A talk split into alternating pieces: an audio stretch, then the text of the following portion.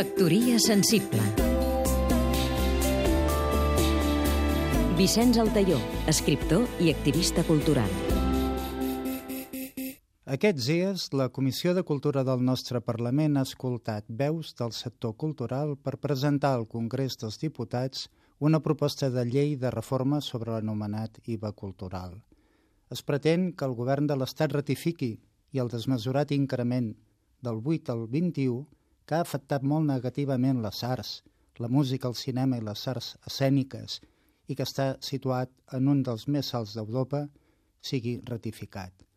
La mesura se sustentava en una equivocada consideració de la cultura com a mer espectacle. Aquesta pujada per part de l'Estat ha estat la cadena d'uns desencerts absoluts.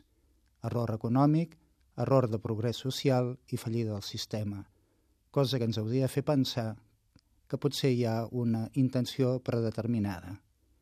Havíem construït un teixit cultural en dificultats, en capacitat d'adaptació als nous reptes, d'internacionalització i de benefici social i cultural, a més d'empresarial.